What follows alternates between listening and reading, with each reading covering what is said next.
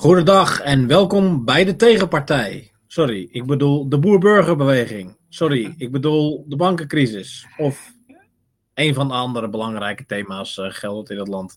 We beginnen vandaag met het uh, de sterven van een van de, nou, ik zal maar zeggen, iconen van de Nederlandse comedie. Ik zou niet weten hoe ik het anders zou moeten omschrijven. Uh, ja. De Bie is overleden. En daar wou Sjors gelijk de deur mee in huis vallen. Um, ja, nou ja, Wim de Bie is overleden, zoals je al zegt. Was in, inderdaad een van de uh, van het duo, de, de ene van het duo, de oudere, die uh, van Coat en de Bie. Uh, misschien voor de jongere luisteraars niet, luisteraars niet zo heel erg bekend, maar in de jaren 70, 80 en 90 waren ze of in het theater te zien, maar ook veelal op tv met allerlei leuke typetjes. Um, ja. Nou, daar zijn er, weet ik niet hoeveel. Uh, ik zag een spotprint voorbij komen waarin, uh, uh, waarin Wim de Bie ehm, bij de Hemelpoort aankwam. En um, daarin zei iemand van, u bent aangekomen meneer de Bie. En daar zaten dan een foto van hem en zijn, zeg maar, twintig typetjes. Dus zij zijn... Um, weet ik natuurlijk vooral ja, uit Den Haag afkomstig. Wat ik zelf wel interessant vind om te noemen is dat uh, uh, zij ook het, uh, zeg maar het Haags dialect wel, een, en dat vind ik dan zelf leuk, wel um, gepopulariseerd hebben. En voor een groot publiek um, ja, gebracht hebben. Dat dat wel positief en leuk En daar kun jij je wel mee vereenzelvigen met het Haagse dialect, zeg maar. Nou, dat een beetje, maar um, dat vond ik erg leuk. Je hebt dialect. Haag, je hebt Ik dacht dat het Haagse dialect hebt, tegenwoordig iets was van Wolla, Tamam. Als ik door de Schilderswijk loop, dan hoor ik dat. Ja, ja, ja. En uh, uit, uitkering en zo, dat soort zaken. Dat is ook typisch Haags, uh, heb ik Maar ik heb ook wel wat te zeggen over Van Koten en de Bie. Want Van Koten en de Bie uh, satire werd waar, werkelijkheid, om het zo maar samen te vatten. Zij hadden natuurlijk als een van hun uh, sketches, zullen we maar zeggen, de tegenpartij. En de tegenpartij had uh, als motto's dingen zoals samen voor ons eigen, iedereen rijk. En ze, en ze waren natuurlijk best wel plat populistisch en staken een beetje de draak destijds met wat zij als een platte karikatuur van rechts vonden. Ja. En nou ja, heel eerlijk gezegd, ik, ik kan wel een aantal partijen zien die onironisch de retoriek van de tegenpartij zouden kunnen herhalen. Ik denk dat zij ja, toch maar... wel aardig de tijdgeest uh, um, aan hebben gevoeld. Ja, dat er. Uh... nou ja, in, nee, maar zij, zij, zij waren zo populair met de, dat idee van de tegenpartij. Dat zij in, in de peilingen in de jaren tachtig op acht zetels zouden hebben gestaan. Oh. Oké, okay, ja, ja. Nou moet je het gemiddelde kiezersvolk niet al te hoog aanslaan, maar ik vind het wel heel grappig.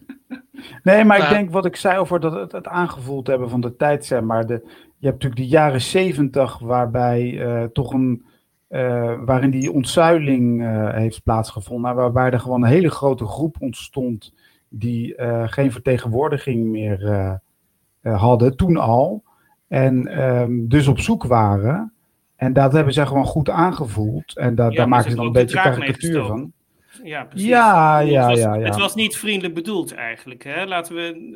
Uh, wat nee, nee, nee, nee. De tegenpartij was echt een satire op rechts. Ik bedoel, er, er zijn sketches waarin de tegenpartij probeert zijn eigen uh, militie in uniform op te hijsen en dergelijke zaken. En dat dat allemaal helemaal af, als een afgang uh, kapot gaat.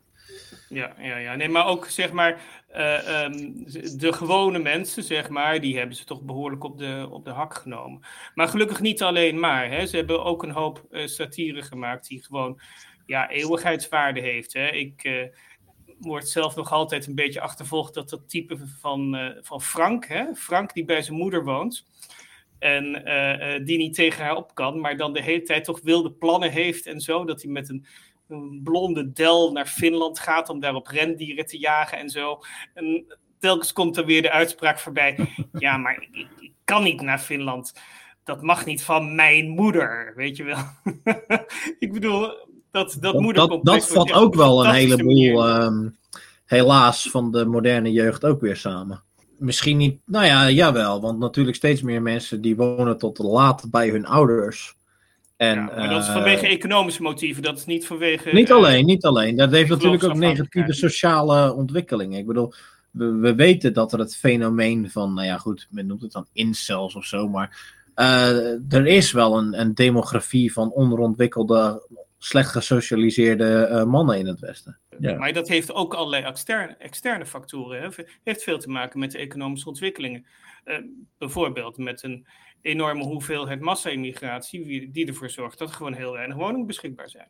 Dus niet alleen woningen, er is natuurlijk ook nog steeds het sociale aspect. Maar daar zijn veel redenen voor. Het, eh, de hyperrealiteit van het leven in op het internet in plaats van in de werkelijkheid, dat soort zaken. Nou ja, in ieder geval vond ik het altijd wel erg grappig dat Frank, die gaat dan voor het eerst in zijn leven, gaat hij zelfstandig de deur uit om een brief te posten, weet je wel. En dan, dan uh, zijn moeder probeert hem dan nog in te dekken met een sjaal en zo. En want het, het, is maar 50 meter, maar stel je voor dat hij kou valt en dat soort zaken. Het is, het is in zekere zin heel erg herkenbaar. Hè? Zorgende moedersinstinct en die jongen die daar, daar maar niet onder, uh, onder vandaan komt. Dat is, uh... Aristoteles zei het al, een kind dat nooit uit het nest springt zal nooit een vogel worden. Als hij kan uh... vliegen, althans. Anders valt hij hartstikke dood. Maar goed, dat, dat is weer het en, een vriend dat is altijd het risico. Mm -hmm. Zij hebben ook een, een muzieknummer gemaakt, ook ironisch uiteraard, op... De, en een vriend van mij woont in de Bloemenbuurt in Den Haag. En zij spelen dan een soort linksbeentje en dan gaat het over uh, de, de op opkomst van het fascisme en van de, de burgers die hun auto, want dat zijn de burgers die hun auto staan te poetsen op zondag, zeg maar. Weet je, dat heet dan Baba Bloemenbuurt. Ja, ja, maar goed, we lachen erom, maar eigenlijk is het dus wel uh, ten opzichte van de gewone Nederlander heel vijandig bedoeld. Hè? Ik bedoel, dat hadden we toen waarschijnlijk niet in de gaten. Maar oh nee, het is hartstikke progressief, absoluut als je nou terugkijkt, dan denk je zo van, oh ja, toen al in feite. Kijk, tegenwoordig is het veel duidelijker en veel explicieter, maar hè, toen uh, had je toch ook wel uh, die insteek. Maar dat kan je natuurlijk zeggen van de meeste cabaretiers. Die steken de draak met de status quo. En nee, ondermijnen daarmee de status quo meestal maar één richting in. Ik bedoel, je kan zelfs van Monty Python in Engeland zeggen dat het eigenlijk best wel een subversieve Nee, dat was het volgens mij niet. Volgens mij was het juist eh, een, een, steunen van de status quo. Want de status quo was al gericht tegen die mensen die zij op de hak namen. Het is toch een kwestie van naar beneden trappen, niet naar boven. Nou, dat is niet helemaal waar. De status quo in de tijd van Cote en de was natuurlijk toch meer CDA, P van de A, centrum, rechtsig, niet heel erg. Uh, doe maar gewoon soort uh, maatschappij. Terwijl de status quo is nu wel merkbaar meer naar links geschoven. Dus het, het, begon, het is natuurlijk minder expliciet dan tegenwoordig. Maar als je net zo terugkijkt, denk je van ja, ja, ik vond het erg grappig toen allemaal hoor. Dat zal ik gelijk toegeven. Maar... maar ik mis wel, uh, want Nederland heeft natuurlijk wel een traditie van, van cabaret. Als sinds uh, de laat 19e eeuw. En ik vind wel dat het. Uh, je kan voor de rest zeggen van wat Cote en de Bie. Ze waren wel, ze hadden een gevoel voor de tijdsgeest. En ze waren sociaal geëngageerd en ze waren creatief. En dat vind ik afnemen met uh, Nederlands cabaret. Cabaret in het algemeen, uh, stand-up comedy zoals dat in Amerika heet, lijkt qua soort van sociaal commentaar wel echt zijn, uh, zijn scherpheid te verliezen. Dan moet ik eerlijk zeggen, als je met terugkijkende blik kijkt naar de, de David Pryor en George Carlin en zo, die in hun tijd werden gezien als uh, revolutionaire types, denk je van een saaie babyboomers zijn dat. Maar goed. ik, ik, weet niet of ik het wel eens ben met, of ik denk niet dat ik het eens ben met Reinouds een uh, opvatting dat hier afgegeven wordt tegen zeg maar de blanke mannen of de, de, de, de sociale wat lagere klasse. Ik denk toch gewoon dat ze een tijdsbeeld hebben um, waargenomen en daar, en daar grappig, grappige sketches op hebben gemaakt. Uh, maar dat dat niet per se. Um, bedoel, het gegeven dat er, dat, dat er een, een groep niet vertegenwoordigd meer werd en dat er dan zoiets als de tegenpartij uh, komt, die dan heel uh, plat en, en met simpele slagzinnen de, de mensen weet te bespelen. Dat is natuurlijk misschien maar gewoon een analyse dat, um, uh, ja, dat, dat, dat dat speelt. Ik, ik, um, ik kijk, het nee, is wel met zo. Die, met die mhm. persiflage willen ze toch onmogelijk maken dat dat soort partijen ontstaan. die dus de, de, de lage klasse vertegenwoordigen? Ja, dat zou je kunnen zeggen. Je zou kunnen zeggen, het is een, een, verkapte oproep naar de grote partijen om die belangen opnieuw te gaan behartigen. Nee, het is een oproep naar de mensen om niet te gaan stemmen op dat soort partijen. Hmm. Nou ja, nee, dat, dat, dat, want dat effect had het destijds niet. Hè? ze waren juist heel populair en ze moesten het in scène zetten dat ze zogenaamd werden omgebracht tijdens een van hun sketches. Om uh, juist dat sentiment een beetje uh, te ontdoen. Dan moet ik zeggen, dat heeft zich ook niet vertaald naar de uh, relevante politiek destijds. Want het is niet dat zij nou bijvoorbeeld CP86 of de Centrumdemocraten aanzwengelden of zoiets. Nee, het tegendeel juist. Het was anti-reclame voor de, voor de Centrumdemocraten. Het is natuurlijk wel zo dat, en dat is tot op de dag van vandaag, of, of zelden iemand uit die, uh, zeg maar, beroepsgroep, als je dat zo kan noemen, de comedianten of de cultuurmensen, dat die zich hebben opge die, dat die het hebben opgenomen voor, zeg maar, de uh, blanke werkende klasse uit de grote steden. Er is natuurlijk niemand geweest die daar echt zijn nek voor heeft uitgestoken. Die andere bekende cabaretier daarna heeft wel eens wat daarover gezegd. In de zin van uh, gewezen op de omvolking. Uh, niet, niet in die termen, maar wel ja, aangegeven van ja, waar ik vroeger woonde, wonen nu geen blanken meer. Of nauwelijks. Maar het is natuurlijk wel zo, ja, wat ik zei, van er heeft eigenlijk niemand het opgenomen voor, voor die groep. ik wist niet dat Theo Maas uit Den Haag kwam. Ik dacht dat hij een Brabander was. Nou, ik bedoelde, Arie Jekkers bedoelde ik, zeg maar. Die heeft daar wel Nee, maar ik zie veel op het feit dat Theo Maas natuurlijk een hele show heeft toegewijd aan het feit dat uh, blanken gediscrimineerd worden, min of meer. Oké, ja. Nee, dat, ik moet ik zeggen dat ik, dat, uh, dat ik die show niet kende. Ja, dus dat moet ik misschien terugnemen. Theo Maas heeft ook een keer een hele show gehouden waarin het centrale thema was: ik ga een grap maken over Mohammed. En hij eindigt de show zonder een grap te maken over Mohammed. En dat is natuurlijk ook een beetje de draak steken met uh, politiek sensitieve onderwerpen. Ja. ja. ja, ja. Dus Waaraan is staat er echt nog wel. Onderwerpt, want hij maakt die grap uiteindelijk niet. Hè? Nou ja, dat feit dat hij de grap niet maakt, is denk ik de grap. Maar dat, is, dat moet je maar zelf interpreteren. Het laat wel zien. maar het feit dat hij de grap niet maakt, laat zien dat hij nou ja, je kan het interpreteren als hij ziet het gevaar als dusdanig groot. En omdat hij het gevaar zo groot ziet, komt het ook over het publiek. Van hij maakt er hele een grapje over dat hij die grap gaat maken, maar hij doet het niet. Mhm. En dan is het voor, voor de mensen duidelijk van oké, okay, dus is wel heel serieus uh, die uh, islamitische dat... terror. Dat, dat is denk ik het punt, maar ja, dat is aan hem zelf wat hij ermee bedoelde. Nou, dan om het bruggetje te maken van overleden iconen uit de jaren 80 naar overleden diensten uit de jaren 80. Er zijn wat uh, dingen naar buiten gekomen over het feit dat de BVB eh, de bevolking bespioneerde in de jaren 80 en 90. Daar kan ik zelf nog wel een anekdote over vertellen. Want mijn vader was natuurlijk een uh, communistisch activist in die periode. En die werd ook in de gaten gehouden. En de, dat was wel van een bepaald niveau van competentie dat zeg maar ze met camera's zichtbaar aan de overkant in het café zaten te filmen. En dat als je naar buiten keek, zag je de enorme camera in het raam hangen. En vervolgens kwam er een man in een pak uh, en een jas naar de kastelein om te vragen met foto's wie wie was. En dat de kastelein vervolgens in de avond vertelde van jongens, de veiligheidsdienst is langs geweest.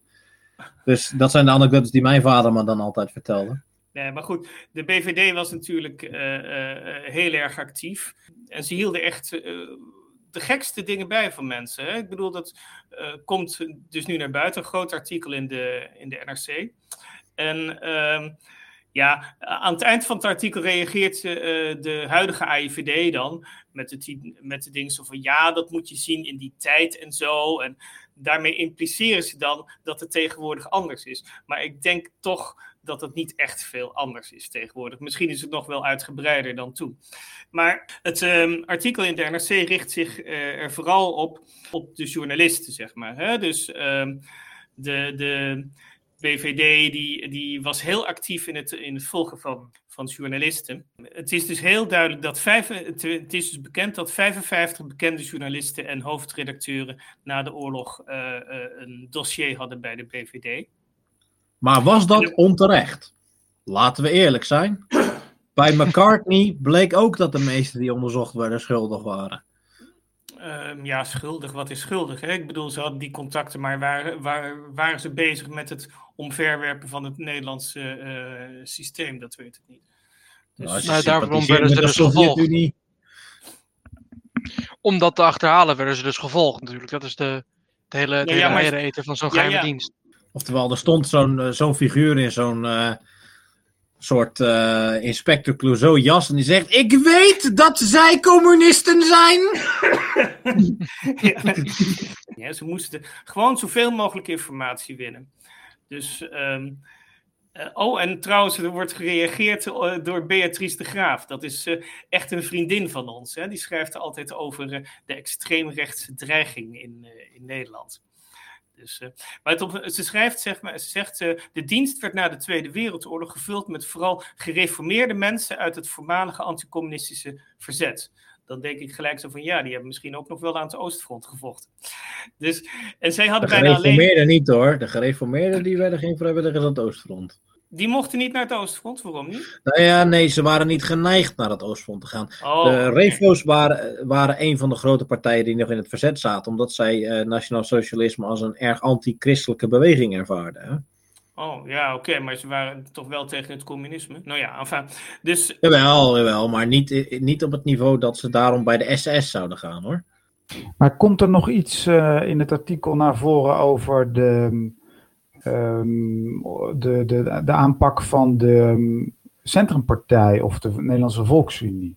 Of is dat... Daar, uh, daar staat helemaal niks over. Staat dat is dan weer een interessante omissie. Ja. Want zoals wij allemaal weten van onze goede kennis Alfred Vierling, die er helaas niet kan zijn vandaag, is dat zij ook best wel last hadden van de veiligheidsdiensten in hun tijd. Maar hier, oh ja, hier ging het over. De, de redactie van De Waarheid Um, ja, daarvan was de BVD toch wel doordrongen dat ze geen staatsgreep zouden plannen. Maar de surveillance bleef heel intensief. En uh, Beatrice de Graaf die zegt erover zo van... Afschalen, afschalen was destijds moeilijk voor de dienst. Er waren mensen voor wie het in kaart brengen van wat er op die redactie gebeurde hun dagelijkse bezigheid was. Die zaten in een kamer met kaartenbakken. Dat was letterlijk hun levenswerk. Dat kun je toch niet zomaar iets anders gaan doen? Ja, maar luister, de waarheid is een Nederlandse vertaling van Pravda. Dat is toch een vrij onsubtiele communistische boodschap dan? Zeker, maar planden zijn staatsgreep. Maakt dat uit om ze in de gaten te houden? Hmm, ik weet niet. Dat, dat, ik nou, denk dat, dat, lijkt me eigenlijk wel. Uh, ik bedoel, als, als er geen concreet gevaar uitgaat en als het alleen maar een. Er is een moreel gevaar, wat mij betreft, altijd vanuit communisten. Ja, maar ik vraag. Maar goed, dan houden ze in de gaten en wat dan? Ik bedoel, die mensen doen kennelijk niks strafbaars, want ze zijn nooit uh, veroordeeld voor iets. Dus ja, wat moet je dan met die informatie? Ik bedoel... Nou ja, dan heb ik mijn twijfels over. Kijk, uh, zoals ik zeg, mijn vader zat in dat circuit. En ja. uh, die kende bijvoorbeeld ook de Nederlandse aanhangers van de Rote Armee-fractie. En er was zeker wel een gewelddadig en activistisch milieu in dat linkse gebeuren. En die werden bij lange na niet zo hard aangepakt als CP86 en de Centrumdemocraten. Ik bedoel, er waren krakerspanden zat. En we weten allemaal wel dat de ME ingreep tegen krakers. Maar toch waren er krakerspanden zat. En waren er grootste schaalrellen. En waren er zowel uh, beramingen als uitvoeringen van links terrorisme in de jaren 70 en 80. En daar treden ze toch een stuk minder hardhandig op destijds dan dat ze nu doen. Tegen wat wij dan rechts kunnen noemen. Uh, terwijl het daadwerkelijke dreigingsniveau van het huidige rechts tegenover het links van toen nogal een stuk lager ligt. Ja, ik bedoel, waar hebben we het over? We hebben het over het projecteren van uh, wat woorden op een brug en over ja. uh, stickers en dat soort zaken. Ja, ja. nou, maar daar, dat is natuurlijk wel extreem dat, dat dat op die manier dan met repressie te maken krijgt. En ehm, hoeveel mensen zijn er vervolgd voor het uitbranden van dat hotel in Kerrichem? En hoeveel mensen zijn er vervolgd voor het in elkaar slaan van honderden politieagenten tijdens de Kroningsrellen? Hè? Nou, de um, Kerrichem zijn wel mensen vervolgd en veroordeeld. Nee, ik wilde alleen even zeggen dat um, de daders van Kerrichem, die zijn niet alleen niet veroordeeld, die hebben een prachtig baantje bij de Anne Frank Stichting uh, te, te veilig te stellen. Ja, maar ze zijn wel veroordeeld. Hè? Er zijn alleen voor hele lichte straffen. Ja. Er zijn natuurlijk uiteindelijk twee mensen omgekomen. beide wel een, na, na, na de, nadat de boel de fik vloog. Eentje een, een paar weken later, geloof ik. En, of beide een paar weken later, inclusief de eigenaar van het, van het hotel. Maar er, er zijn wel veroordelingen. Alleen. Ehm, ja, natuurlijk niet. Uh, het, is natuurlijk een terroristische aanslag geweest. En daar zou je natuurlijk jaren voor in de bak moeten gaan, normaliter, in een normaal land. Ja. Er zijn ook meerdere politie- en douaniers gedood door de Rotterdam-fractie in Nederland. Hè? En daar uh, is er eentje van doodgeschoten door de politie tijdens een razzia. Maar volgens mhm. mij is de, is de rest, uh, voor zover veroordeeld in Duitsland, niet voor moord. Nou ja, die schijnen. um, dat is een discussie over. Die zijn gestorven in de gevangenis, de meeste van de RAF. Ehm, en die, uh, er, het is een. Nou, ik wil het geen publiek geheim noemen, maar er is een best wel grote groep mensen die geloven dat die uh, zijn vermoord door de Duitse geheime dienst toen ze al in de gevangenis zaten. De originele Rotarmee-fractie. Dus daar, daar is wel daar hebben ze, ja kijk, de Rote Armee-fractie die was gewoon een guerrilla-oorlog aan het voeren in Duitsland zelf. Dus die hebben ze echt wel hard aangepakt. Zeker toen ze natuurlijk die, um, die actie in, als ik me niet vergis, hebben ze de ambassade in Zweden toen bezet. Omdat tegelijkertijd met die actie in München van de Palestijnen, of in solidariteit daarmee, ik ben het even exact, de exacte details vergeten, maar op het moment dat ze zich zo ook zo fel tegen Israël gingen keren. En ze hebben natuurlijk ook getraind met de, uh, met de PLF. Met de Palestijnen, dus ja. Ja, dus dat, dat was echt wel een partij die uh, de geheime diensten nou, niet konden waarderen. Nee, maar ze hadden dus ook aanhangers in Nederland. En dan zijn, ze zijn een paar keer in Nederland ondergedoken.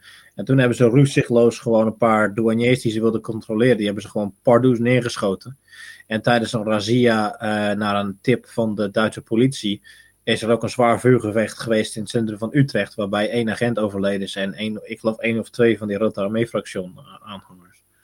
Dus het, eh, het idee dat, dat rechts gevaarlijk is, terwijl links hier. Eh, het, het, Japanse Rode Leger, nog zo'n voorbeeld. Die heeft uh, um, in Den Haag hebben ze, hadden ze de Franse ambassade bezet. Ik geloof dat hmm. dat in 76 was. En daarbij zijn ook twee politieagenten zwaar verwond. En geloof ik één gestorven later van zijn verwondingen. Terwijl, ja, noem maar eens een rechtse actie die ook maar in de buurt komt. Nou, sowieso is het niet meer te vergelijken. Het. Uh, geweld, um, en dan heb ik nog niet eens over terrorisme, maar gewoon politiek geweld uh, van vandaag de dag met uh, zeg maar de jaren 60 en 70. Um, ja, ik heb het laatste document ja, documentaire inderdaad in Frankrijk was er nog een tijdje terug. Um, en nou, die sloegen elkaar echt elke dag plat. En nu worden daar, als je met een spandoek op een dak staat, word je ja, word je voor het gerecht gesleept en uh, wordt gewoon je organisatie opgeheven. Hè? Zoals met de, de Generation Identitaire is gebeurd. Uh, dus dat is, maar de Fransen slaan elkaar nog steeds wel de hartstikke in. Ik bedoel, kijk naar de Gilets Jeunes en de recente vakbondrellen weer. Ja, maar dat komt echt vanuit de overheid toch wel voor een belangrijk gedeelte. Dat, dat is toch wel een verschil. Uh. Ja, dat denk ik toch ook wel. Um, wat, je, wat je ziet op de beelden is dat het toch echt voornamelijk wel uh, de Franse politie is die zich uh, te buiten gaat, laten we het zo zeggen. Dus, ja, maar die, de Franse burgerij laat zich ook niet uh, ongeslagen slaan, zeg maar. Die reageren. Ja, de Gilets jaunes in ieder geval niet. Dat is, uh, dat is waar. Maar die bestaan niet echt meer, geloof ik. Hè? Dus dat was... nee, dat is voorbij. Nee, maar ja, goed. Hè? Wie, wie weet wordt benzine weer heel duur en dan zullen ze wel weer beginnen. Nou ja, en, en ja, sorry, maar ik vind dat ook wel terecht. Ik bedoel, de, die, die, uh, het platteland, zeg maar, in Frankrijk wordt, vle wordt vreselijk uitgeknepen als je dat vergelijkt met, met wat er in de steden gebeurt. Dus, ja, maar dat geldt nu ook voor Nederland, toch? Dat, dat, is een, dat, is een, dat is een fenomeen in het heel het Westen, denk ik. Ja, ja dat is wel waar. Ja. Maar het, toch, om even op dat artikel terug te komen. Henk Hofland, hè, die was uh, hoofdredacteur van NRC Handelsblad. En uh, nou, dat was dan, uh, die kwam met een zeer goed milieu en zo. En was conservatief-liberaal. En toch is die 30 jaar gevolgd. Hè? En dat begon gewoon omdat um, in 1956. Toen kwam, uh, kwamen de Hongaren in opstand. En um, Hofland ging als buitenlandredacteur naartoe. En ja, sindsdien werd hij gewoon 30 jaar gevolgd. Zelfs, ja, terwijl hij eigenlijk geen ja, terwijl er eigenlijk geen reden was om hem te volgen. Maar het is wel grappig als je dan leest hoe die, wat er dan genoteerd wordt. Hè? Ehm, hier werd hij bespioneerd. En dan had hij dus een gesprek met een, met een Rus. En dan staat er 11 uur 46. C schrijft wat op in een kleine zakagenda die aan Drankov toebehoort. 11 uur 47. Ze praat met de serveerster. 11 uur 52. Deze serveerster brengt hen een pakje sigaretten, merk Spencer. Dus echt tot op de allerkleinste details wordt er. Um, ja, word je in de nou ja, Misschien dat men uh, bij de BVD destijds ook te veel James Bond films keek en dacht: dit zijn allemaal codetaal. ja. Maar ik vind ook wel dat mensen die uitwijken naar Hongarije in de gaten moeten worden gehouden hoor. Nee, hij ging, hij ging uitwijken naar Hongarije. Dus, maar het is dus ook zo dat de, de, heel veel kranten, die, kregen gewoon, die werkten echt samen met de BVD en kregen gewoon artikelen aangeleverd. Hè, die ze dan uh, zogenaamd uit eigen naam uh, moesten gaan plaatsen. Echt kant-en-klare artikelen. Uh, nou, dat hebben ze dan een stuk efficiënter gemaakt tegenwoordig, want de IVD hoeft dat niet eens meer te doen, dat doen die kranten zelf. En ik vind het ook grappig dat de BVD ook aan GBJ Hilterman, dat was in mijn jeugd een, een grote naam, dat hij dus uh, kopij kreeg van de BVD. Hè? Dus hij was eerst hoofdredacteur van de Haagse Post. En uh, later gaf hij dat wekelijkse radiocommentaar. Hè? De toestand in de wereld door meester G.B.J. Hilterman. Ja, er staat, uh, uit het gespreksverslag staat dat Hilterman aandringt op exclusieve artikelen over subversieve activiteiten die flink de aandacht zouden trekken. En hij, de BVD concludeert dat hij met gretigheid kopij zal aanvaarden, waarvoor ze ook geen honorarium hoeft te betalen. Nou ja, binnenkort kunnen we hem vervangen door een chat-GPT-bot die gewoon vertelt uh, nationalisme slecht, blanken slecht. Dan hoef, je, dan, dan hoef je geen kopij te schrijven, die doet dat voor je. In, injecties goed, vertrouw de overheid. Maar over die uh, in de gaten houden van journalisten. Toevallig heeft het NRC, weet, wederom het NRC heeft ongeveer een jaar terug, iets minder dan een jaar terug, denk geloof ik, had toen ook over Stella Braam uh, gezegd dat die ook in de gaten werd gehouden, nog steeds. Ook destijds door de BVD en nu nog steeds door de IVD. Um, en dat daar ook uh, medejournalisten voor zijn gerecruiteerd en huisgenoten van haar om op haar te spioneren.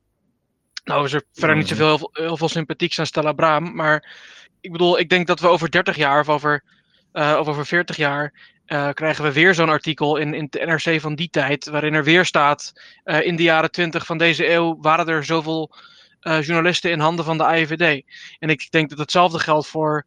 Kijk, als je naar Amerika kijkt, het is al algemeen bekend dat tijdens de Irak-oorlog de, het Pentagon zowat elke krant in handen had.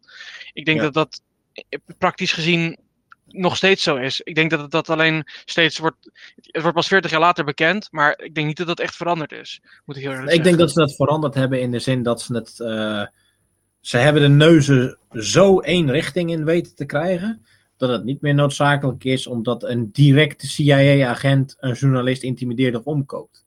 Maar dat de culturele druk al genoeg is dat die journalist eigenlijk al, of dan wel uit eigen beweging of dan wel uit sociale druk, de noodzaak voelt om dezelfde ideeën te verkondigen. Dat is wel waar, maar er zijn ook echt wel uh, gewoon zogenaamde ex-CIA uh, uh, mensen, behoorlijk veel, die dus bij de grote media in dienst zijn getreden. Hè? En dan kun je afvragen zo van ja, in hoeverre zijn ze ex CIA. Hè?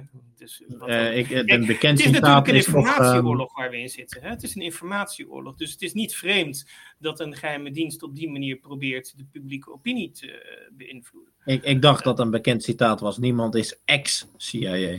Nou, ik denk dat, dat, dat, dat, men, dat heeft men iets, iets later ingezien dan ik had verwacht, maar toch wel doorgekregen dat, ja, inderdaad wat Reinoud zegt, dat het om die informatiestroom gaat, dat die nu en dat die nu vooral via het internet uh, naar de burgers toe komt, of voor een substantieel gedeelte. En dat men natuurlijk een tijdje terug heeft ingegrepen door enerzijds die algoritmes uh, aan te pakken, uh, mensen van een aantal publicaties van de sociale media af te gooien. Um, en ook zelfs natuurlijk een, een ex-president van de Verenigde Staten. Um, dus dat men wel doorhad van, hey, dit. Um, dit gaat zo niet de goede kant op. En, en dus heeft ingegrepen. En wat ook is uitge, naar buiten is gekomen, is dat er dat waren de Engelsen volgens mij, die, uh, of dat weet ik nog wel zeker, die een aantal bekende YouTubers hebben betaald om um, bepaalde boodschap te verkondigen. En dat ging dan specifiek om, um, om Russen die, um, ja, die een verhaal over Rusland uh, vertelden. En dat moest dan blijkbaar aangepast worden naar, uh, naar zoals de veiligheidsdiensten dat graag, graag zien. Dus dat heeft zich verplaatst, denk ik, voor een, voor een gedeelte. Ja. Al moet je wel zeggen, we weten bijvoorbeeld van de Twitter-files, dat gewoon de CIA rechtstreeks contact had met, met Twitter. De, en... de FBI, even voor de duidelijkheid. Sorry, sorry, sorry, ja, je hebt gelijk. Ja, en dus rechtstreeks vertelde, ja, en dus rechtstreeks vertelde van, uh, ja, die, die personen moeten gewoon uh, ofwel geblokkeerd worden, ofwel moeten klein gehouden worden of zo. En als ze het bij Twitter hebben gedaan, nou ja, dan is het onwaarschijnlijk dat ze het bij andere grote mediabedrijven niet gedaan hebben. En, en het einde van het artikel, daar staat um, zo van ja, Beatrice de Graaf durft niet te zeggen in hoeverre de dienst tegenwoordig nog zo intensief journalisten volgt. Ik heb daar geen harde gegevens over, maar de BVD is er heus wel van doordrongen dat ze goed in de problemen zouden komen als zou blijken dat ze structureel journalisten volgen. Yeah, right, denk ik dan. ja, maar er zijn natuurlijk in, uh, in de recente jaren al een paar keer dingen naar buiten gelekt. En dan met name over niet de IVD, maar de um, coördinator. Uh, Terrorismebestrijding? De ja. NC, kut, ik vergeet het altijd. Maar, maar, maar, dat die verschrikkelijk onzorgvuldig omgingen met um, persoonsgegevens van de mensen die zij volgden. En dat het ongetwijfeld ook te maken heeft met het feit dat ze natuurlijk heel makkelijk willen kunnen lekken. Oh, op die manier. Ja, ja dat, dat, mm -hmm. dat zou ook kunnen. Ja.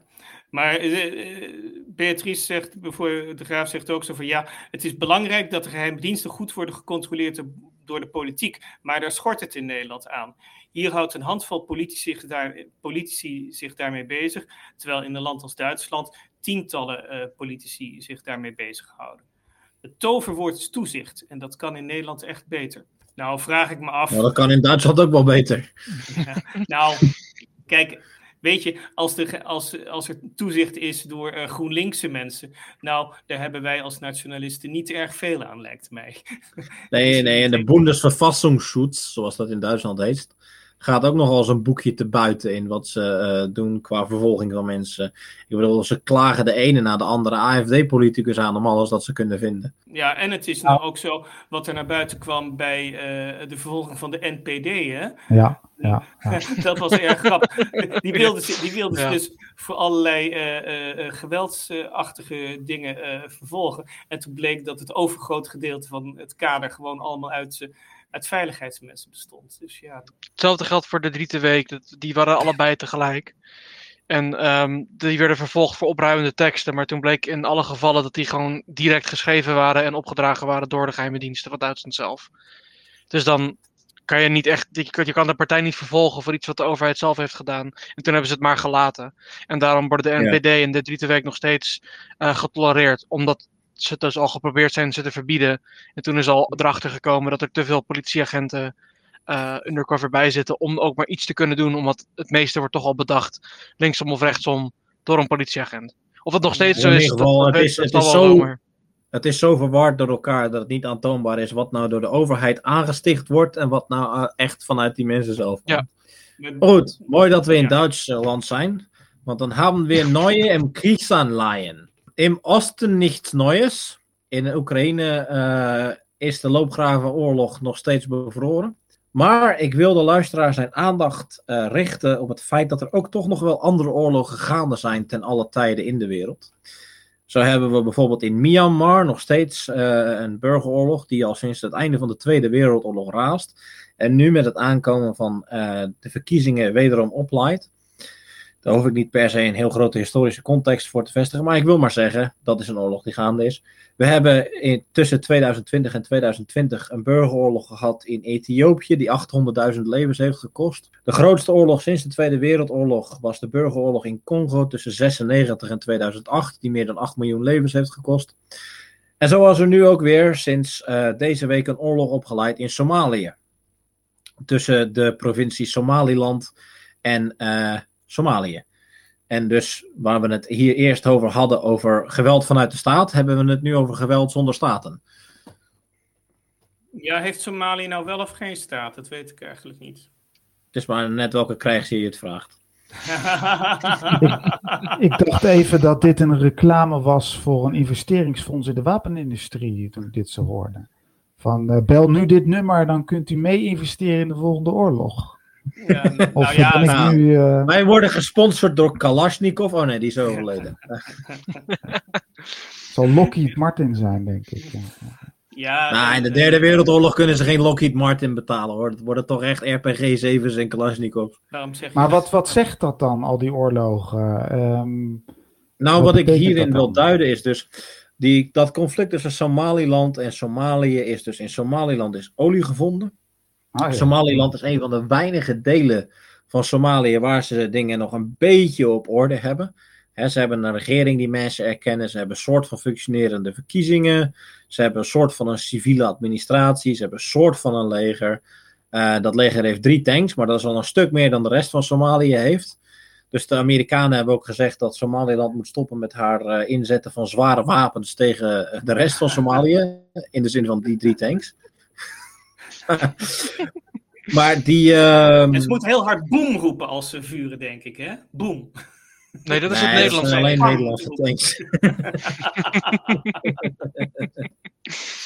maar goed, het punt is, daar is dus een conflict ontstaan over uh, de olierijke gebieden. En daar hebben de Amerikanen zich dus weer flink aan ingemoeid. Er is ook nog steeds in Jemen een oorlog tussen de Houthis en de Saudis. En in Libië is er nog steeds oorlog. En de Turken zijn steeds meer gemoeid in het conflict in Syrië. En er is op het moment een escalerend conflict tussen Azerbeidzjan en Armenië. Ja. En je moet nog één ding vermelden bij mhm. Syrië. Hè? Er is dus uh, een kwart of zo van Syrië wordt dus permanent bezet door de Amerikanen die bezig zijn de Syrische olie te stelen. Hè? Nee, nee, niet de Amerikanen, de Koerden met Amerikaanse steun. Ja, ja. De Koerdische vrijheidsstrijders. Dan ben ik gelijk overtuigd. Maar de, waar maken onze bekende Nederlanders zich nu druk om? Want ze hebben zich wel eens druk gemaakt om de oorlog in Jemen een tijdje. Ehm, misschien zijn ze nu bezig met dat klimaatverhaal. Maar eh, zijn die nog geïnteresseerd in een oorlog? Weet iemand dat? Of zijn die nu toch vooral toch? bezig? Ik bedoel, bij mij, de, bij mij in de straat hangen nog steeds de Oekraïense vlaggen hoor. Oh ja, tuurlijk. Ja, ja, ja. En op het stadsdeelkantoor hangt niet de Nederlandse vlag, maar de Oekraïense vlag. Nou, ja, maar dat is dus mijn punt. Ik erken, ik erken de linkse retoriek. Dat doet er alleen toe wanneer blanken iets doen. Ja, ja, linkse mensen zijn de echte racisten. Ja, ja, ja, ja, ja, ja. Een heerlijk republikeins standpunt. nou ja, goed. Ik wou, het even, ik, ik wou dat wel even zeggen aan de luisteraar. Want het is inderdaad. Er gebeurt echt nog een hoop in de wereld buiten Oekraïne en het, en het Westen. En dat is niet allemaal tegelijkertijd direct relevant voor ons. Maar het hele idee dat het zo schokkerend is dat er in de 21ste eeuw een oorlog is, is eigenlijk een beetje een absurditeit. Het enige uh, verschil is natuurlijk wel dat er geen direct uh, nucleair conflict uh, zou kunnen ontstaan vanuit een, een, een oorlog tussen Somalië en, Somalië en Somaliland. Ja, ik denk niet dat daar direct kernwapens bij betrokken zullen raken. Nee, oh, de Somalische raketwetenschappers over... kunnen je nog eens verbazen hoor, oh, dat is waar, ja. Nou, daarom moeten we ze ook allemaal importeren in Nederland, want dat zijn zulke goede raketwetenschappers. Heb je, heb je die filmpjes nooit gezien van Africans Flying en zo? Dat is, ik zou me druk maken. Ik ben wel blij dat jullie begonnen zijn over de inzet van gevaarlijke massavernietigingswapens, want dan kunnen we het hebben over biologische wapensvoering. en in dat kader gaan we het hebben over AZC's. En, en dat is dus wel direct een, een nieuwsfeitje dat ik daaraan kan linken, is dat er een aantal Somaliërs ehm, die uh, toevlucht hadden gevonden in Duitsland en daar asiel hadden gekregen, teruggekeerd zijn om voor of tegen Somaliland aan beide zijden te vechten. En dat zij dit op sociale media in Duitsland hebben gepost om andere Somaliërs te overtuigen terug te gaan.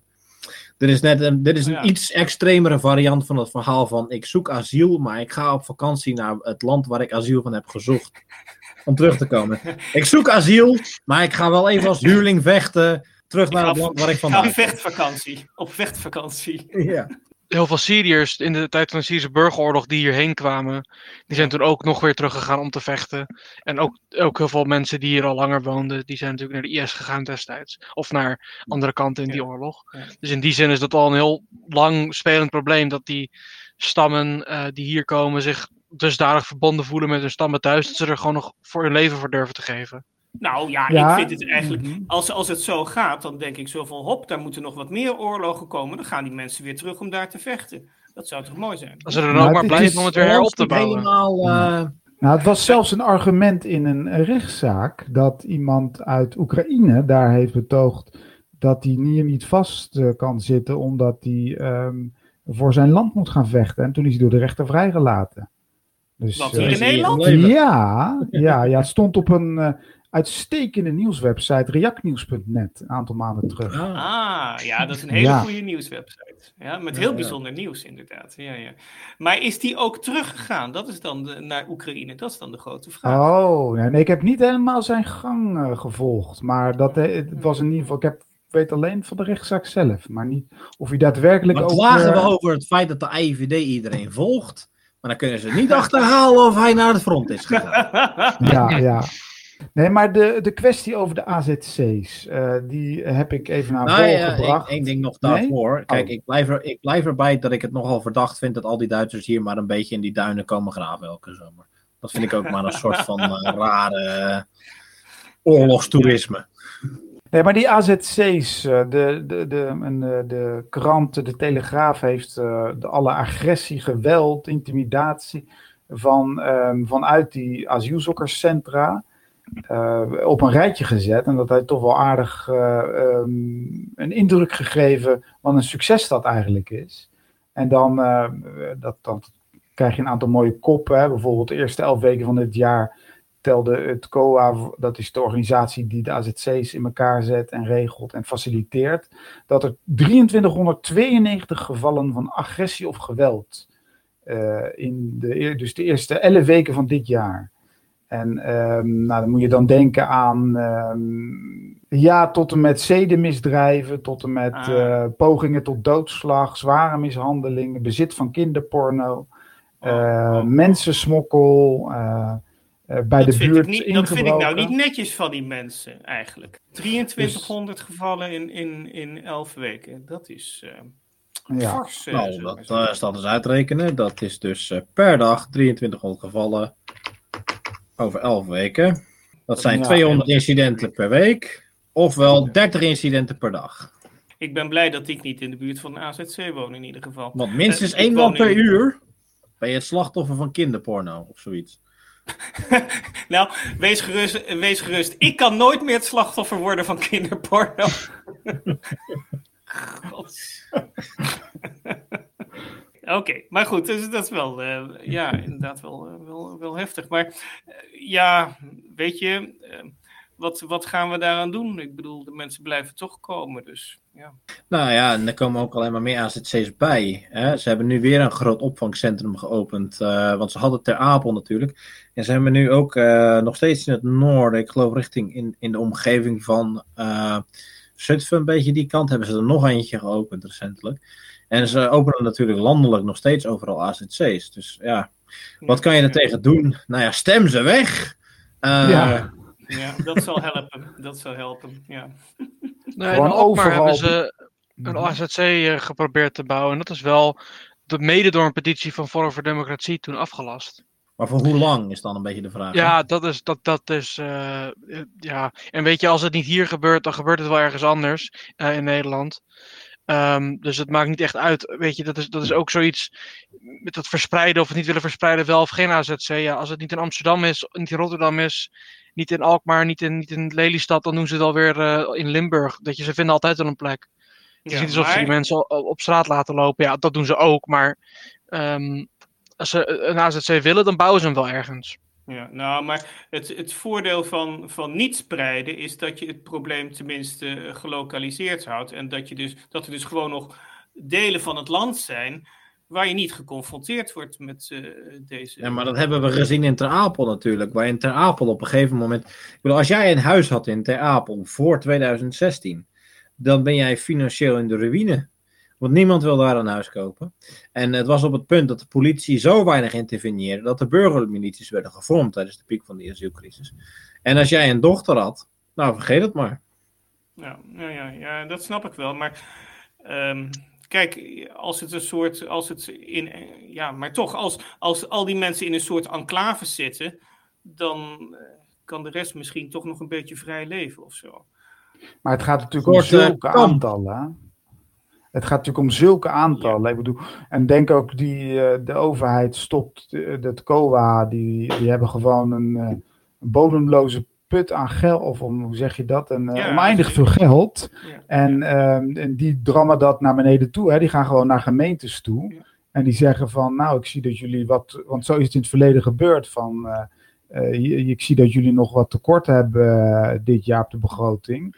Neem maar een asielzoekerscentra en dan vullen wij dat tekort wel aan. Dus ja, ja daar is dus bijna niet tegen op te werken. Ja, ja. Ik, uit het rapport van de rekenkamer is gebleken dat uh, vorig jaar 3 miljard overschrijding was. Hè? Van, dus niet alleen het kostte 3 miljard, maar er was 3 miljard meer uitgegeven aan uh, asielzoekers dan, uh, dan begroot was. En dan moet je even ter vergelijking, het budget. Ja, maar luister, dat is allemaal vanwege die arme Oekraïners. miljard. Hè? Sorry, 6 miljard?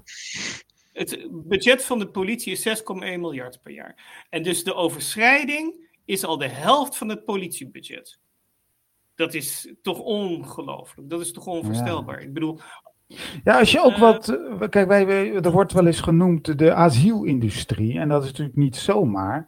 Want als je natuurlijk uh, wat cynischer zou zijn. Dan zou je denken, nou, 33292 gevallen van agressie dat zijn natuurlijk ook mensen die um, naar een psychiater toe kunnen. Of naar een, uh, op, op, een schooltje ergens onderwezen kunnen worden. En dan kan je zo iemand die een beetje handig ondernemer is, kan natuurlijk wel mooie factuurtjes sturen. Dus ik denk dat uh, uh, wij kijken wel eens als zeg maar Nederlanders of als, als mensen naar van wat een ellende komt hier op ons af. Maar je zou natuurlijk ook kunnen zeggen van nou al die ellende, dat is wel een mooi uurtje factuurtje.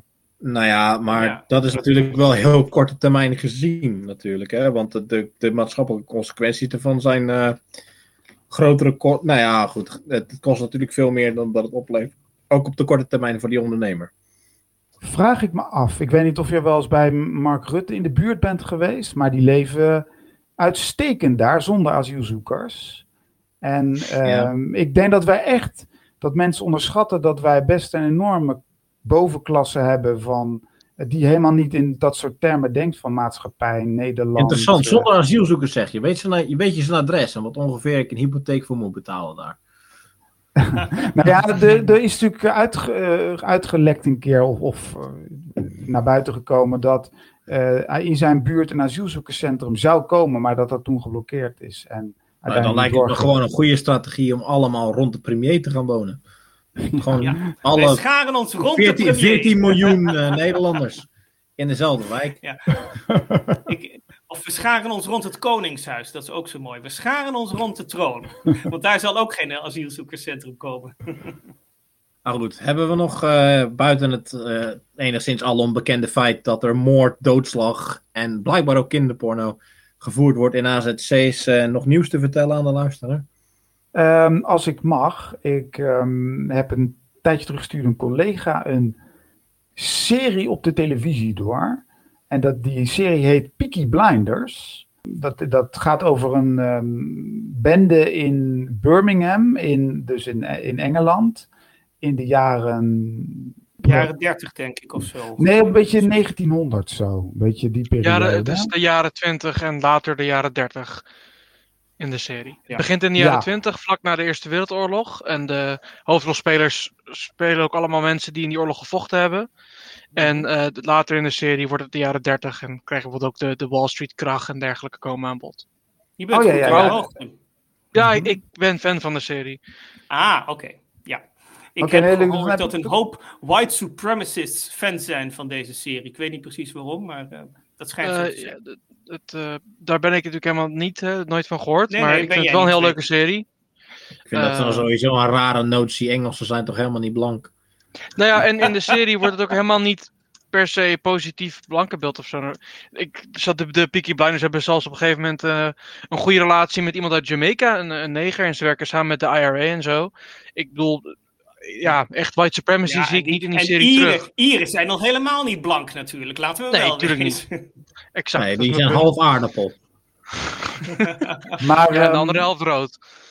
ik, zei, ik zei het omdat uh, in, in um, een van die latere afleveringen komt uh, een Engels uh, politicus uit die tijd naar voren. Um, heeft ook een rolletje. En die heet Oswald Mosley. En via de, een van de zoekmachines, toen ik dat ook zelf indrukte, kwam als eerste naar boven. heeft die man echt bestaan? nee. dus die, die, wordt dan Totale in de film. Ja, en, en, Mensen uh, weten hun geschiedenissen niet meer. Ze weten het alleen maar via films en series. Ja, nou, maar ik denk dat misschien dat dat Amerikanen zijn geweest. Of, of, of misschien andere uh, toekijkers uit uh, andere landen. En dus niet Engeland. Maar het is wel. Um, ik heb dan zelf ook maar even een documentaire. Want ik was zelf ook niet zo heel goed bekend met Oswald Mosley. Vooral omdat die natuurlijk. de slag zijn... van Cable Street. Ja, zijn carrière is natuurlijk niet, uh, het was geen succes, uh, zeg maar. Maar ik wist helemaal niet dat hij, want dat is iemand die uit de Dat is niet allemaal waar, hè? Kijk, hij was als fascist geen succes. Maar hij was uh, een minister in het Labour-regering. en daarna mm. overgelopen naar de conservatieven. En daar was hij ook een prominent lid. Daar was een redelijk prominente, succesvol politicus... voordat hij de ehm, fascistische partij in Engeland begon. Ja, oké. Dus, en opvallend, hij was eerst dus een Tory... Maar hij is uh, geswitcht naar, uh, naar Labour. Hè? Dus, uh, en, en vandaar is hij dan fascist geworden. Dat is eigenlijk een heel natuurlijke ontwikkeling. Want dat heb je bijvoorbeeld bij Mussolini ook gezien. Hè? Die was eerst socialist en werd toen fascist. Dus kijk uit voor de socialisten, want dat zouden wel eens enge fascisten kunnen worden. Hmm. Ja, ik, vind, ik, ik heb genoeg mensen meegemaakt die vanuit de SP komen. Dus ja. ja maar interessant is wel aan die... Interessant vond ik wel aan die Mosley inderdaad dat hij was dus afkomstig van de adel, was eh, uit, uit het adellijk milieu. En um, toch erg begaan met de sociale kwestie, het lot van de, uh, van de, de, de werker en de lage sociale klasse in dat land. En iemand die heel lang campagne heeft gevoerd voor, om Engeland uit de oorlog te houden. En met name ook um, uh, dan moet ik, zeg ik eigenlijk niet goed als Engeland, maar Groot-Brittannië. En met name dan ook het, het toenmalig koloniale rijk wat men had. Uh, toen hadden ze volgens mij nog iets van een kwart, of misschien van 20% van de wereld. In ieder geval een enorm, enorm koloniaal rijk. En daarin heeft hij natuurlijk wel gelijk gehad. Want Engeland is natuurlijk, of, of nogmaals, Groot-Brittannië is natuurlijk. Um, uh, totaal failliet uit de Tweede Wereldoorlog gekomen en zijn hele koloniale ja, rijk kwijtgeraakt. Ze hebben er niet veel aan gehad, nee, dat kan je wel zeggen. Dus hij was natuurlijk, dan denk ik toch wel, ben ik dan niet met Fout eens mislukt als politicus. Maar um, uh, hij heeft niet helemaal, uh, ons, had niet helemaal onzinnige ideeën. Nee. Ja, maar goed, ja, dat, dat, dat betekent nog niet dat je succesvol bent als je goede ideeën hebt. Vrees ik. Hm? Ja. Kennen jullie het verhaal? Dat was een Franse generaal. De, nu, dit, dit verhaal is mij een beetje te vaag om het echt goed te kunnen vertellen. Maar rond 1889 uh, was er een Franse generaal. Die uh, ook enorm populair was. En die, die dreigde de, de republiek omver te werpen. En een uh, enigszins populaire historische counterfactual die ik wel eens tegenkom is. Wat als de Fransen nou zeg maar de Hitler van de 19e eeuw hadden geproduceerd. Hoe zou dat de geschiedenis hebben ontwikkeld? Want het is niet alsof er niet een heel sterk Frans extreemrechts was destijds. Ja, maar dat heeft. Ja, maar het verschil was tussen Duitsland en Frankrijk.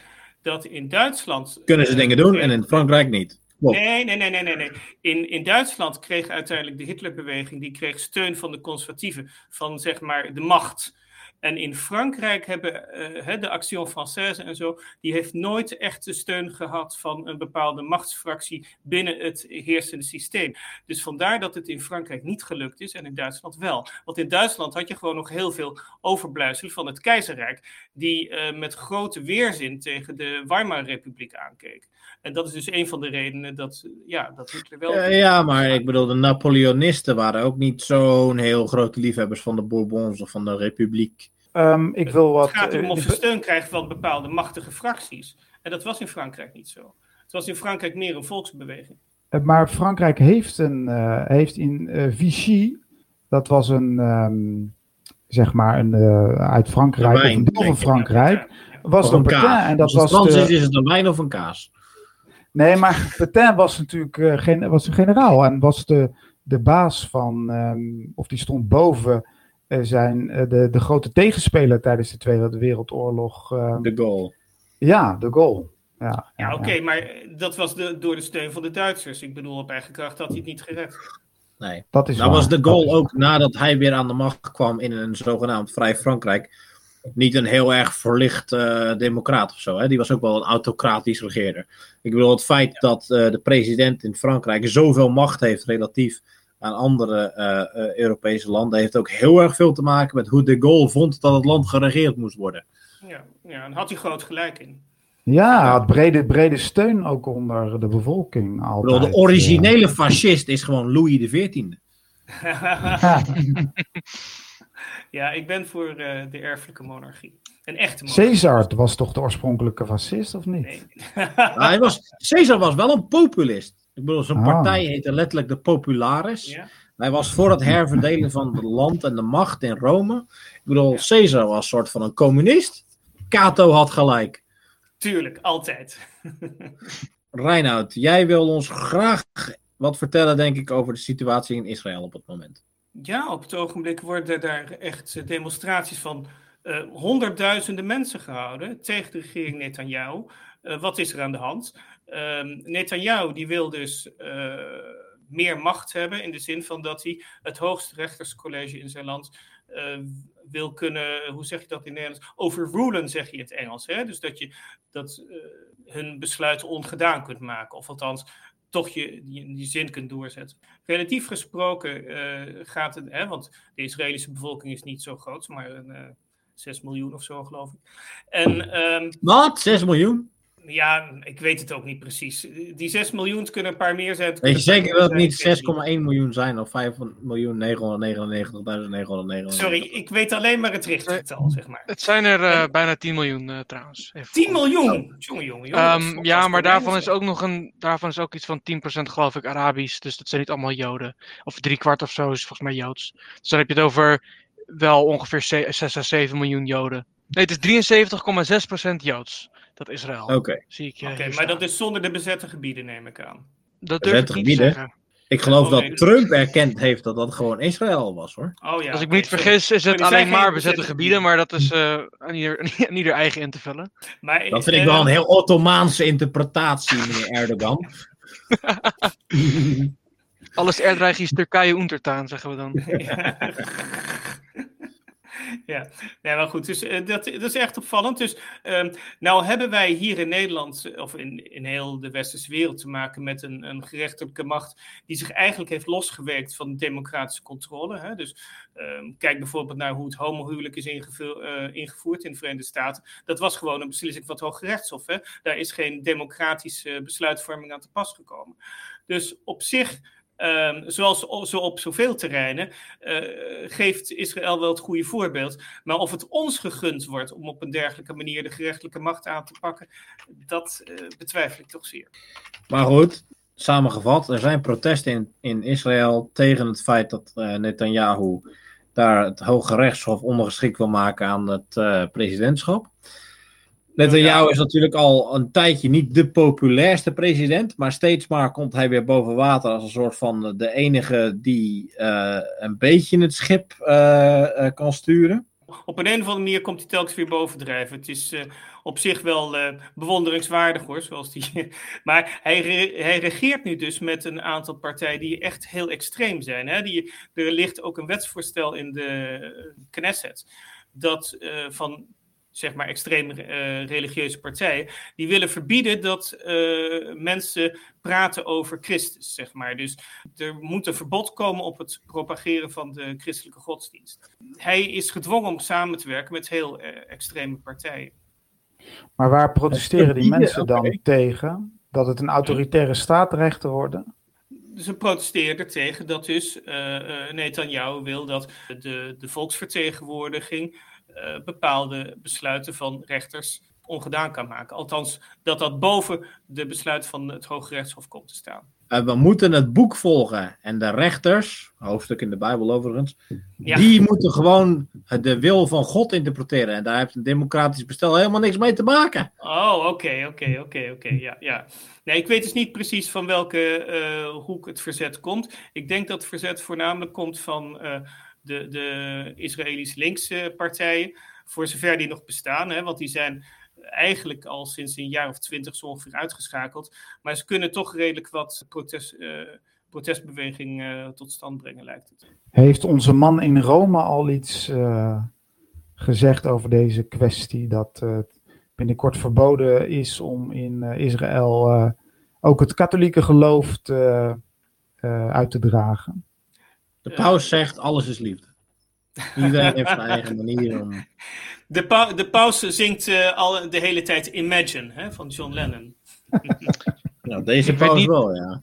Ik weet natuurlijk niet precies wat de paus hierover denkt, maar het is wel zo dat de laatste tijd de islamitische en christelijke Arabische bevolking in Palestina uh, vaker in solidariteit bepaalde acties doen. Ik kan me herinneren dat uh, niet heel lang geleden was er ook een, een moment dat alle kerken tegelijkertijd met alle moskeeën heel veel geluid gingen maken in protest ook tegen een aantal acties van de Israëlische overheid. En ook um, moeten we de, de vreedheid van die uh, hele extreme factie niet onderschatten. Want die wordt geleid door een, nou ja, de Adolf Hitler van Israël durf ik hem wel te noemen. Uh, Itamar Ben-Gvir. Um, die, heeft, uh, die is ondertussen ministerie van Nationale Veiligheid. En die heeft ook een filmpje ge uh, gemaakt. Waarin hij een broodje eet. En zegt: Dit broodje heb ik zojuist ontnomen aan de Palestijnse gevangenen in een aantal gevangenissen. Want terroristen mogen geen lekker brood eten. En dan eet hij dat broodje op. En dat had hij op sociale media geplaatst. En, dus het is best wel een, een, een hele vrede man. En ja, die partij die roept de nodige kritiek op uit heel veel mensen in de bevolking. En niet alleen per se links, omdat hij dus dusdanig uh, ja, echt een Joodse supremacist is. Ja. Dat is wel de traditie van de partij van Netanyahu. Want de partij van Netanyahu komt voort uit Irgun en Palmach. En uh, er, waren drie, er zijn drie premiers van Israël geweest uit die partij. Uh, Likud heet het tegenwoordig, maar het was Irgun en Palmach. En je zou zo geloven dat die in enig ander land voor terrorisme veroordeeld worden. Doodschieten van militairen, ophangen van militairen, opblazen van hotels, uh, in oorlog uh, saboteren van militaire acties aan het land waar je officieel soeverein aan bent. Maar uh, ja, nee, ik, uh, ik vind het natuurlijk een bepaalde ironie hebben dat een Hannah Arendt een boek schrijft over de banaliteit van het kwaad met een, um, hoe heet hij ook alweer, niet Heidrich, maar... Eichmann. Eichmann. En dan heb je zo'n soort figuur die eigenlijk meer een Heidrich dan een Eichmann is de partij van uh, Itamar Ben-Gvir komt ook uit, voort uit, um, uit de partij Kach. Uh, en de ideeën van, um, van Rabbi um, Meir Kahane, die ook de Jewish Defense League in Amerika heeft opgericht. Dus daar is ook een directe link tussen die, die huidige partij, uh, Otzma Yehudit van Itamar uh, Ben-Gvir. En die, die, heeft dus, die komt dus voort uit dezelfde beweging als de Jewish Defense League in Amerika. Dus die hele Joods-orthodoxe uh, extreemrechtse kliek. Die, die, dat is één, één pot nat in Amerika en in Israël. En die, die zijn gewoon heel extreem, ook tegen christenen. Ja, Eigenlijk tegen alles wat niet Joods is. ook vervolgd. Hè? Althans, hè, ze hebben een aantal aanslagen gepleegd. Hè? Ik weet ja. bijvoorbeeld uh, een David Cole, weet je wel, die uh, naar Auschwitz is geweest met zijn verhaal.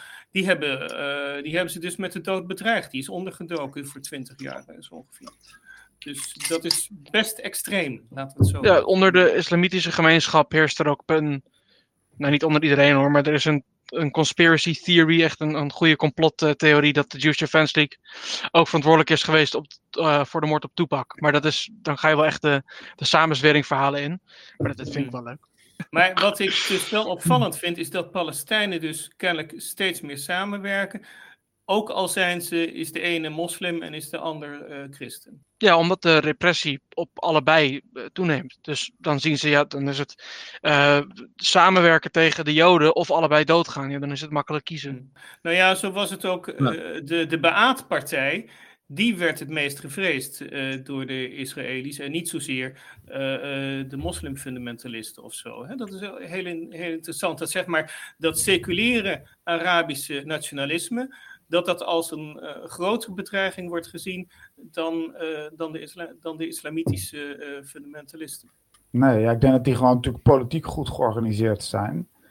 En ehm, dat is natuurlijk een, daarom een tegenstander van formaat. Nou, en natuurlijk omdat je hebt uh, etnische overeenkomsten en dat is, uh, daar is makkelijker mee om te gaan dan wanneer je allemaal hetzelfde moet geloven. Hè? Want natuurlijk, de, de islam kent ook een heleboel verschillende sectes. Uh, en die mhm. kunnen elkaar ook vaak het licht in de ogen niet gunnen. Dus als ze zich op een andere manier dan het geloof kunnen verenigen, namelijk op basis van etniciteit, dan heeft dat waarschijnlijk meer kans van slagen. Hm. Ja, ja. Nu we toch verzand zijn in de zanden van het Midden-Oosten, wil ik u alle vragen uw lamp te pakken en te poetsen. En ons te voorspellen wat er gaat gebeuren met de verkiezingen in Turkije. Oh, en als je die lamp poetst, dan komt er een, komt er een geest uit hè, van Aladdin, toch? of Erdogan. Of Erdogan. ja.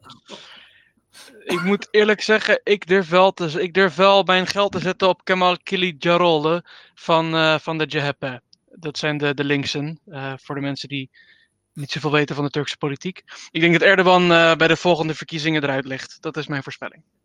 Is jouw voorspelling ook dat hij vredig de macht over zal dragen? Um, ik denk dat het uh, een uh, herhaling van zetten wordt, die we ook gezien hebben in, uh, in Amerika. Toen Trump uh, verloor, of niet verloor officieel volgens sommigen. Ik denk dat hij wel echt heeft verloren, maakt niet uit. En hetzelfde als, in Brazilië met Bolsonaro. Dat hij waarschijnlijk heel erg hard gaat schreeuwen. Misschien gaan, gaan ze zelf wat zelfs wat bestormen, maar daarna laat hij gewoon alsnog de, de andere partijen aan de macht. Daar durf ik niet zoveel geld op te zetten. Want ik denk dat Erdogan een stuk harder en wanhopiger is. Maar ik denk dat je gelijk hebt in dat hij gaat verliezen. Uh, Turkije heeft natuurlijk een mega inflatie. De economie gaat er slecht aan toe. Internationaal zitten ze heel wankelig. Erdogan is natuurlijk in de ogen van de Amerikanen best wel een gevaar geworden, omdat hij niet uh, besluitvaardig genoeg tegen de Russen is geweest. Dus ik denk dat aan alle kanten heeft hij geen bondgenoten meer. Um, ik voorspel desalniettemin dat er overal in Rotterdam-Zuid uh, posters van Erdogan gaan hangen. Ja. Nou, ik, uh, wat, wat, wat uh, blijft toch enorm lastig hoor. Die landen zijn zo verschillend. Ik denk dat je echt moet uitkijken door, moet uitkijken door mensen een beetje op, het hoop, op een hoopje te gooien. Hè, zoals veel journalisten doen met Bolsonaro, Trump. Dat, want ook Brazilië en Amerika zijn natuurlijk totaal verschillende landen. Denk maar aan dat bijvoorbeeld Brazilië onder beide presidenten gewoon in de BRICS zit. En uh, dus toch wel een zeker onafhankelijkere koers vaart dan bijvoorbeeld. Uh, uh, ja, alleen dat bewijst dat al. En als je dan kijkt inderdaad naar Turkije, ehm, die natuurlijk een, een, beetje een rare geschiedenis hebben, of geval van buitenaf, met die verhouding tussen het leger en de, Um, en, en de maatschappij, hè, dat leger heeft toch heel veel macht uh, daar. En um, ook een aantal keer. Dat is afgenomen, ja, maar het is toch moeilijk, vind ik, voor ons buitenaf in te schatten. Uh, of, of Erdogan nou echt dat onder controle heeft. Hè? Dus dat het, door een, dat het door de democratie, of in ieder geval door de gelegitimeerde uh, staatsman, onder controle is. Of dat die toch nog zo'n grote macht zijn dat ze eh, zich zouden op een moment zouden uh, kunnen, kunnen ingrijpen of, of kunnen toeslaan. Maar wat, wat jij inderdaad wel eh, denkt dat dat al een gegeven is, is dat men um, zeer ontevreden is over die uh, enorme inflatie. En ook over, wat nog niet genoemd werd, die gevolgen van de aardbevingen. Dat daar toch oh, um, ja. Um, uh, ja, dat toch onvrede is over de manier waarop de regering daar heeft um, gehandeld. En ik dus wil ook herhalen, zijn, Turkije is mhm. betrokken in twee regionale conflicten. Met Azerbeidzjan, Armenië en Syrië. Maar dat is dus een van de meer directe effecten van massamigratie in ons land. Veel plezier met de Turkse vlaggen in jullie wijken. En daarmee sluiten we deze aflevering af. Dank u allemaal voor het luisteren en met bijzondere dank aan onze gast van de Dietse Volkspartij Noah. En we wensen allemaal een gezellige Turkse verkiezing.